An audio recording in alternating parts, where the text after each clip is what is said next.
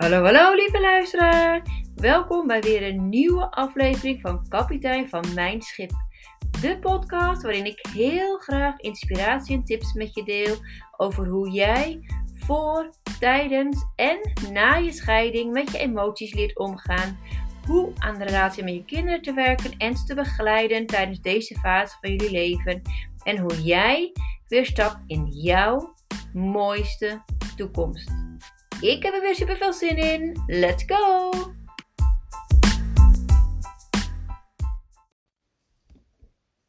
...1 december 2017. Ik loop het uh, kantoor uit van mijn baas en ik heb te horen gekregen dat mijn contract niet over zal gaan in een vast contract wegens tegenvallende resultaten. Ik vind het jammer, ik had het niet aanzien komen en ik baal daar enorm van. Ik had geen veel tijd om over na te denken, aangezien ik dezelfde dag ook in de auto stap om naar mijn zoon te gaan, die terugkomt na twee jaar vrijwilligerswerk in het buitenland. Hij is op dat moment 20 jaar, hij komt weer terug en ja, het is ook feest. Het is ook feest. Dus ik loop echt met twee gevoelens rond van ik vind het, ik baal, ik vind het echt heel vervelend dat ik uh, geen vast contract krijg. En aan de andere kant loop ik met gevoelens rond van vreugde, van blijdschap, van yes, hij is er weer. Yay! Ik was zo blij, zo gelukkig dat hij er eindelijk weer is. Ik hem eindelijk weer kan vasthouden en knuffelen. Ik heb hem heel erg gemist. 22 december 2017. Ik heb de hele dag gewerkt. Heel hard gewerkt. Ik heb alles wat ik wist overgedragen naar mijn opvolger. Ik heb alle wachtwoorden overgedragen, uh, al mijn kennis, zodat mijn opvolger um, ja, het over kan nemen, mijn werkzaamheden. Ik heb nog de sleutel. Ik zou die avond ook het kantoor afsluiten. En uh, de volgende keer dat ik zou komen, zou ik nog de vraag beantwoorden van mijn opvolger en de sleutel inleveren. Dus dit was mijn laatste echte actieve werkdag wat betreft werkzaamheden doen waar ik zo ontzettend veel van heb gehouden. Oké, die avond, 7 uur. Ik zit alleen op kantoor. Er is niemand meer. Iedereen is naar huis. We zitten vlak voor de kerst. En aangezien ik net alles heb overgegeven aan de opvolger, heb ik besloten om nog even te blijven zitten op kantoor. Even rust. Even laten bezinken. Wat is er allemaal gebeurd en in zo'n korte tijd? Ik had dit niet aanzien komen. En ik ben een beetje verdrietig. Maar tegelijkertijd weet ik dat ik ook naar huis moet. Het is bijna kerst. En ja, de familie komt. En ja, we worden verwacht. Gelukkig en happy de peppy te zijn. Dus terwijl ik diep ademhaal en denk, oké, tijd om naar huis te gaan. Denk ik ook, oké, ik ook nog heel even mijn app. Even kijken wat ik nog kan beantwoorden aan appjes. En dan stap ik op de fiets en ga ik naar huis. Terwijl ik mijn appjes lees, uh, kom ik op de familie-app van mijn ex terecht. Voor dit verhaal noem ik hem gewoon bij zijn voornaam, omdat het gewoon makkelijker vertelt. Oké. Um, hij is aan het praten over wat we gaan eten met de kerst. Want Christmas Eve komt een hele familie bij ons langs met elkaar eten. Altijd uh, gezellig en uh, ik kijk er heel erg naar uit. Altijd leuk als we komen. We praten over uh, eten. Wat gaan we eten als ze bij ons komen? Wat, wat zijn de allergieën? Wat vinden ze lekker? Wat niet? Wat gaat het worden? Nou, terwijl we praten over het eten en ik ook met het gesprek meedoe, komt Marco met een zendt hij een um, appje in de groepsapp. Peter en ik gaan uit elkaar. Ik was stil. En ik dacht alleen maar, echt? Gaan we uit elkaar dan?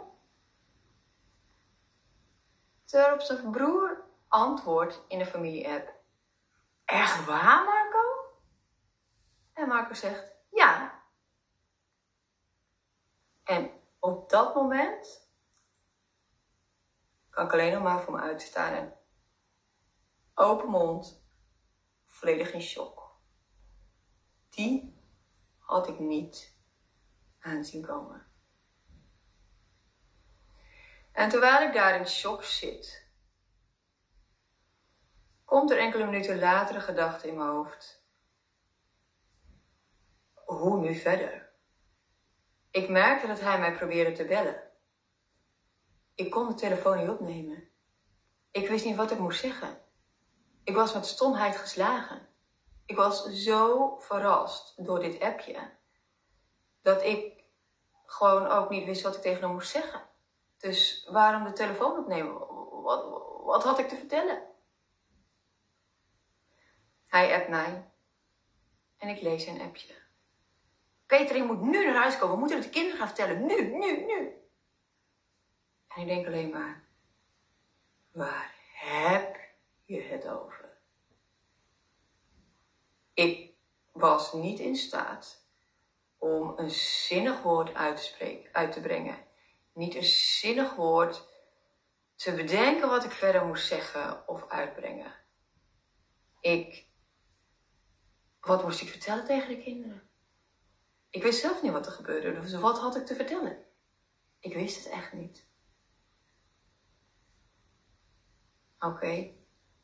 Weer een paar minuten later krijg ik een heel onrustig gevoel. Stel nou dat hij naar kantoor komt en mij op wil halen. Ik wil hem even niet zien. Ik wil, mijn ex even, ik wil Marco even niet zien. Ik, ik moet even alles processen. Ik moet het even verwerken. Ik weet eventjes niet zo goed wat ik nu moet doen en waar ik naartoe moet. Maar ik moet dit echt even verwerken.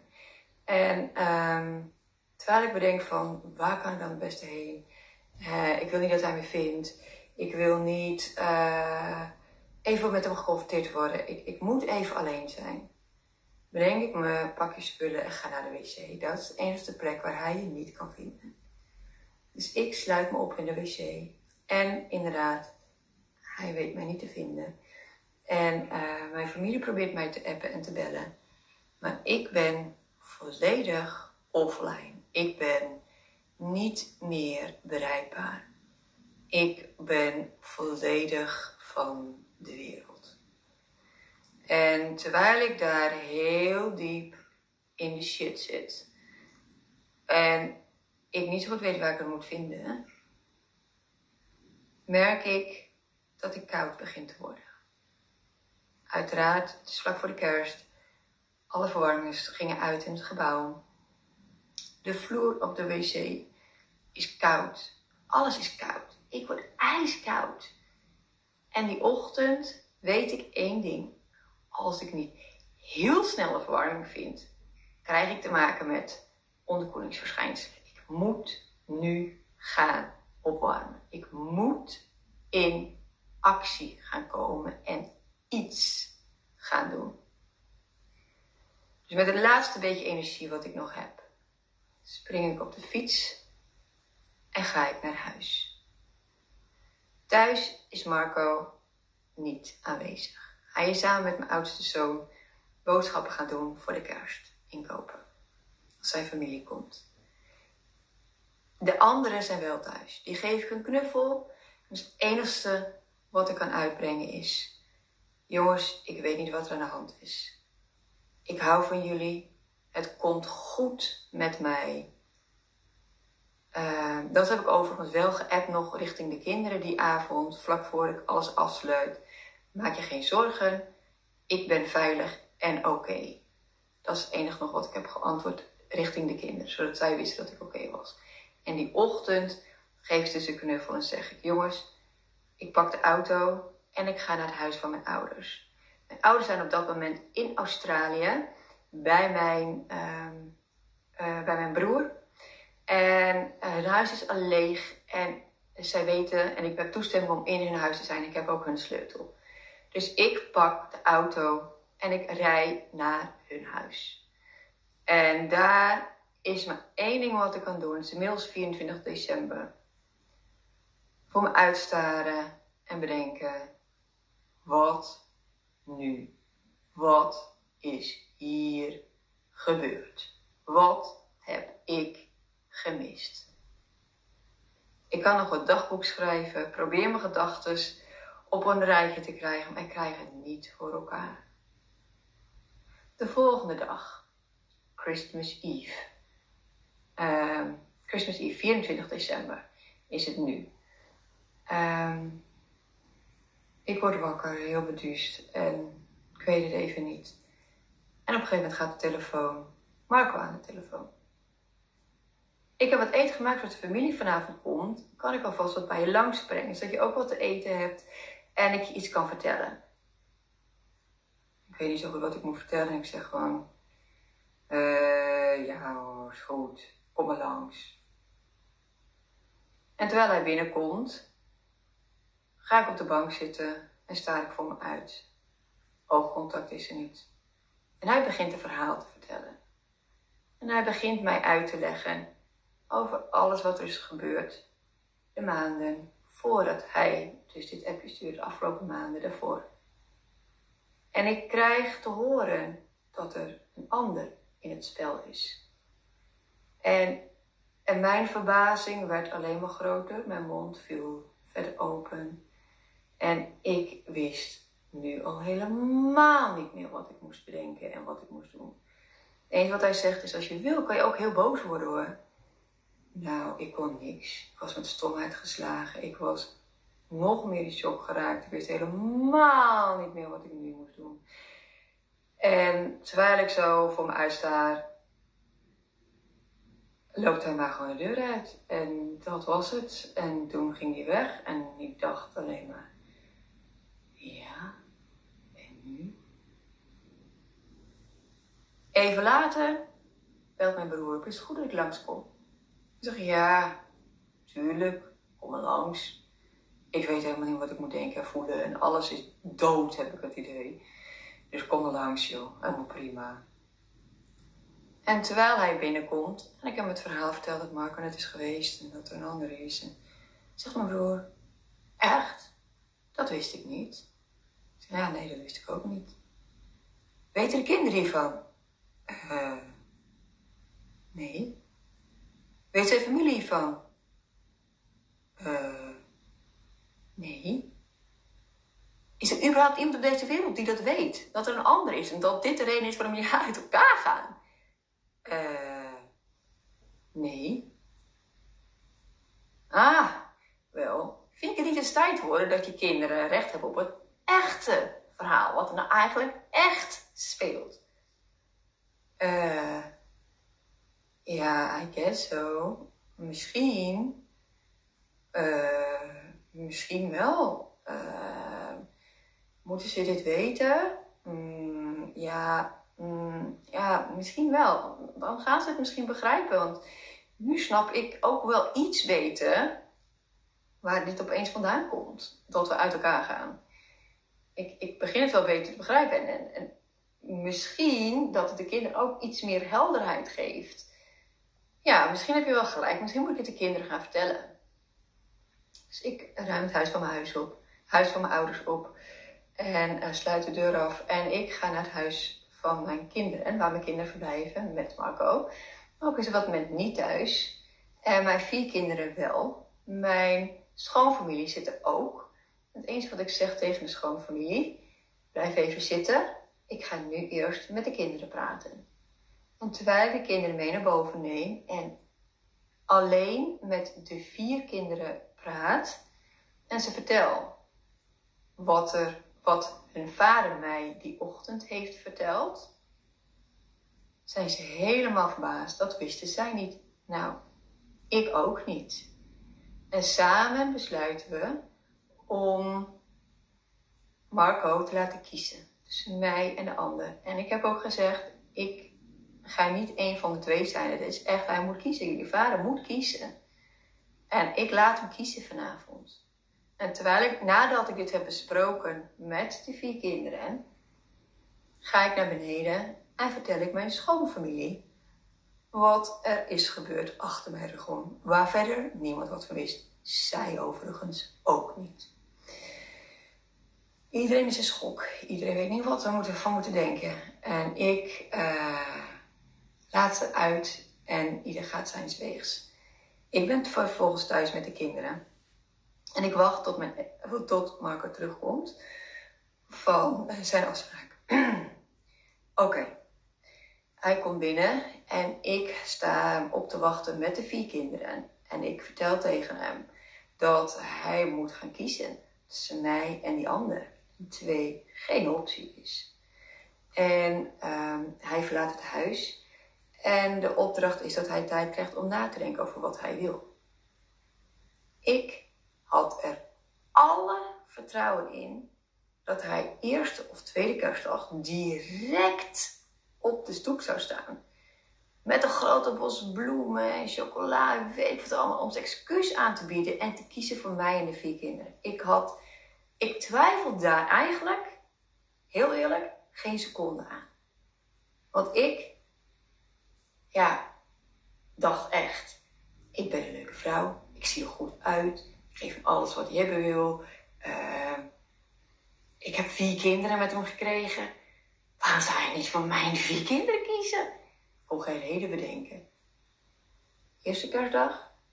Komt niet. Tweede kerstdag? Hij komt ook niet. Lang verhaal kort. Hij is uiteindelijk niet gekozen voor mij, uiteindelijk gekozen voor zijn nieuwe liefde. En het is zijn goed recht. Het is ook zijn leven. Hier begint mijn scheidingsverhaal. En ja, er is daarna heel veel gebeurd. En ja, als ik een mailtje van hem kreeg, schoot ik volledig in de stress. En raakte ik helemaal de weg kwijt. En duurde het een week voordat ik weer nog een keer naar die mail kon kijken. En überhaupt erop kon reageren met hulp van iemand anders. Want ik was vol emoties. Ik ben door allerlei emoties heen gegaan. En ik heb echt, nou, uh, de diepte van de hel gezien, zullen we maar zo zeggen. Ik vond het echt verschrikkelijk om hiermee geconfronteerd te worden. En het kwam rauw op mijn dak. En um, het is een pittige tijd geweest voor mij en de vier kinderen. Ja, ik zal me even voorstellen. Ik ben Petra Westra. Vier jaar geleden zijn mijn ex en ik uit elkaar gegaan. En dat is geen schoonheidsverhaal. Uh, ik ben er helemaal bovenop gekomen. Ik ben heel hard gaan zoeken naar hulp. Ik ben alles uit de kast gaan trekken om mezelf weer in mijn kracht te gaan zetten en om weer te gaan genieten van het leven. Ik uh, ben ongelooflijk depressief en suicidaal geweest. Ik heb echt de dieptes gezien. En toen ik echt dacht, nu weet ik het niet meer, kwam langzaam aan steeds meer licht. Ik ben cursussen gaan volgen, opleidingen gaan volgen, hulp gaan zoeken. En ik heb alles opgeslagen. En alles wat mij heeft geholpen en vooruit heeft geholpen. En ik nu terugkijk naar alles wat ik heb gedaan, heb ik overal de diamanten uitgehaald. Die cursus heb ik dat geleerd. Dat was fantastisch. En dat heeft me echt vooruit geholpen. En dat heeft me vooruit geholpen. Alles wat mij heeft geholpen, van ik zo had van, had ik dit maar eerder geweten. Dat heb ik bij elkaar geraakt. En daar heb ik een online cursus voor in elkaar gezet. Dat is bijna af. Ik hou je op de hoogte over de vorderingen daarvan. Daarin gaan we praten over um, hoe je weer in je kracht komt te staan. Hoe jij uiteindelijk weer kunt geloven in een gelukkige toekomst. Hoe jij uh, je relatie op een gezonde manier afsluit. Hoe jij uit de diepte van de hel weer in het licht kunt gaan staan. Want het, was, het is voor mij weggelegd. Wat voor mij is weggelegd, is ook voor jou weggelegd. En ik ben hier het levende voorbeeld van. Ik ben uh, gaan reizen met de kinderen van New York naar Los Angeles met de auto. Zes weken overgegaan. De reis van ons leven gehad. Ik ben midden in COVID overigens alleen gaan reizen omdat het op mijn to-do-list stond. Wat ik heel graag wilde. Ik ben in Curaçao geweest. Ik heb wekenlang een auto gehuurd in Mexico gaan rondreizen. En ik heb genoten van het leven. En ik geniet nog steeds van het leven. En ik geloof echt in een mooie toekomst. Ook na een scheiding ook na shock, ook na hel. is er hoop. Er is licht. Ook voor jou. Daarnaast ben ik bezig om komend januari een opleiding te doen van kinderscheiden meekomen. Dat is een programma dat is over de hele wereld erkend door alle wereldleiders wordt dat ondersteund. Dat is het programma om kinderen en ouders te begeleiden, ook tijdens een scheiding. En dat is een fantastisch goed programma. Begin volgend jaar ga ik daar samen met een vriendin ook cursussen eh, voor opzetten. Daarnaast ga ik samen met haar ook verbindingsweekenden organiseren voor ouder en kind. Om de, uh, de, de band weer te herstellen. Om goed te krijgen. Dat de ouder echt weer het kind gaat zien. En de kind het oude weer gaat, de oude weer gaat zien. Om die band te herstellen. En daar gaan we weekenden voor organiseren. En dat gaat ongelooflijk veel waarde brengen. En um, ik weet als geen ander dat het moeilijk is. En ik heb daarom ook besloten om elke dinsdag en elke donderdag een YouTube filmpje en een podcast op te nemen. Dat is overigens dezelfde informatie. Ik heb ervoor gekozen om YouTube te nemen voor degene die het liefst de gezichtsuitdrukkingen bij zien als ik een verhaal vertel. Uit eigen ervaringen of uh, de lessen die ik heb geleerd. Uh, dingen die ik deel. En een ander is gewoon meer van de podcast. Die zegt, oh nee, terwijl ik in de auto zit, terwijl ik eten koken ben, vind ik podcast luisteren veel fijner. Dat is mijn tool. Fantastisch. Doe, kies je tool wat bij jou past. Dat is helemaal prima. Daarnaast ga ik elke maandagavond om 8 uur live om jouw vragen te beantwoorden. En um, ik ben er heel graag voor jou. En ik wil vooral een voorbeeld zijn van hoop en licht dat er hoop en licht is. Dat was er voor mij en dat is er voor jou. En ik wil jou daar een voorbeeld in zijn. En ik wil jou daar doorheen helpen. En ik weet dat dat bestaat. En daarin wil ik jou gaan begeleiden. En um, ik weet dat je alle tools in je hebt. Ik ben kapitein van mijn schip. Ik besluit welke richting ik vaar. En dat heb jij ook. Vandaar mijn naam, kapitein van mijn schip. Ik ben uh, verantwoordelijk voor mijn eigen leven en voor mijn eigen keuzes. Als ik ervoor kies om nog langer ellendig te voelen, is dat een keus. En als ik ervoor kies om eruit te stappen, is dat ook een keus. En als ik ervoor kies en om het langer te laten zijn, is dat, is, er is geen oordeel voor mij.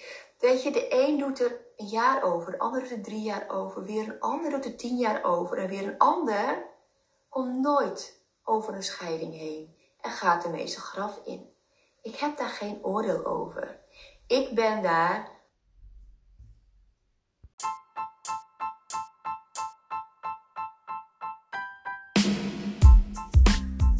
Dankjewel voor het luisteren. Ik hoop dat ik je heb kunnen inspireren en laat mij vooral weten wat het voor je heeft betekend.